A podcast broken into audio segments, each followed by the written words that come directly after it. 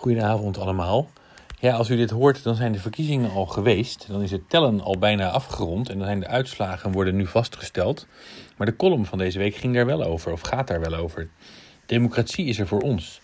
Kijk, er zijn maar weinig mensen die het helemaal eens zijn met alles wat er gebeurt. Sterker nog, het is echt Hollands om overal commentaar op te hebben.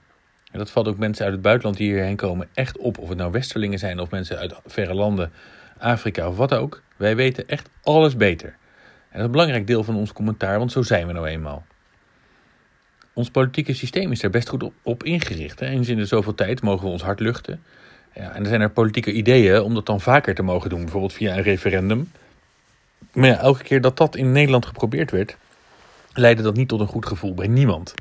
Ja, want voor het goed inrichten van een referendum zijn we als land gewoon te versnipperd.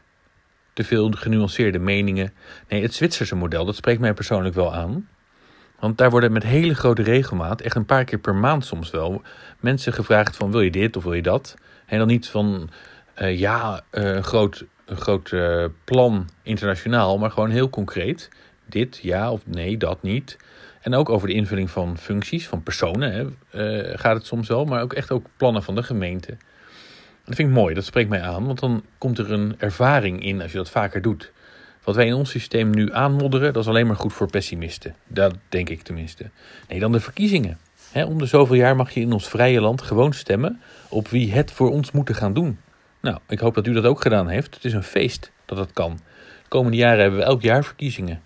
voor de gemeenteraad, voor de provincie, voor de Tweede Kamer binnenkort wel weer, over een jaar of vier, maar tussendoor nog Europa. Maak er dus gebruik van. Democratie is meer waard als we er allemaal aan deelnemen.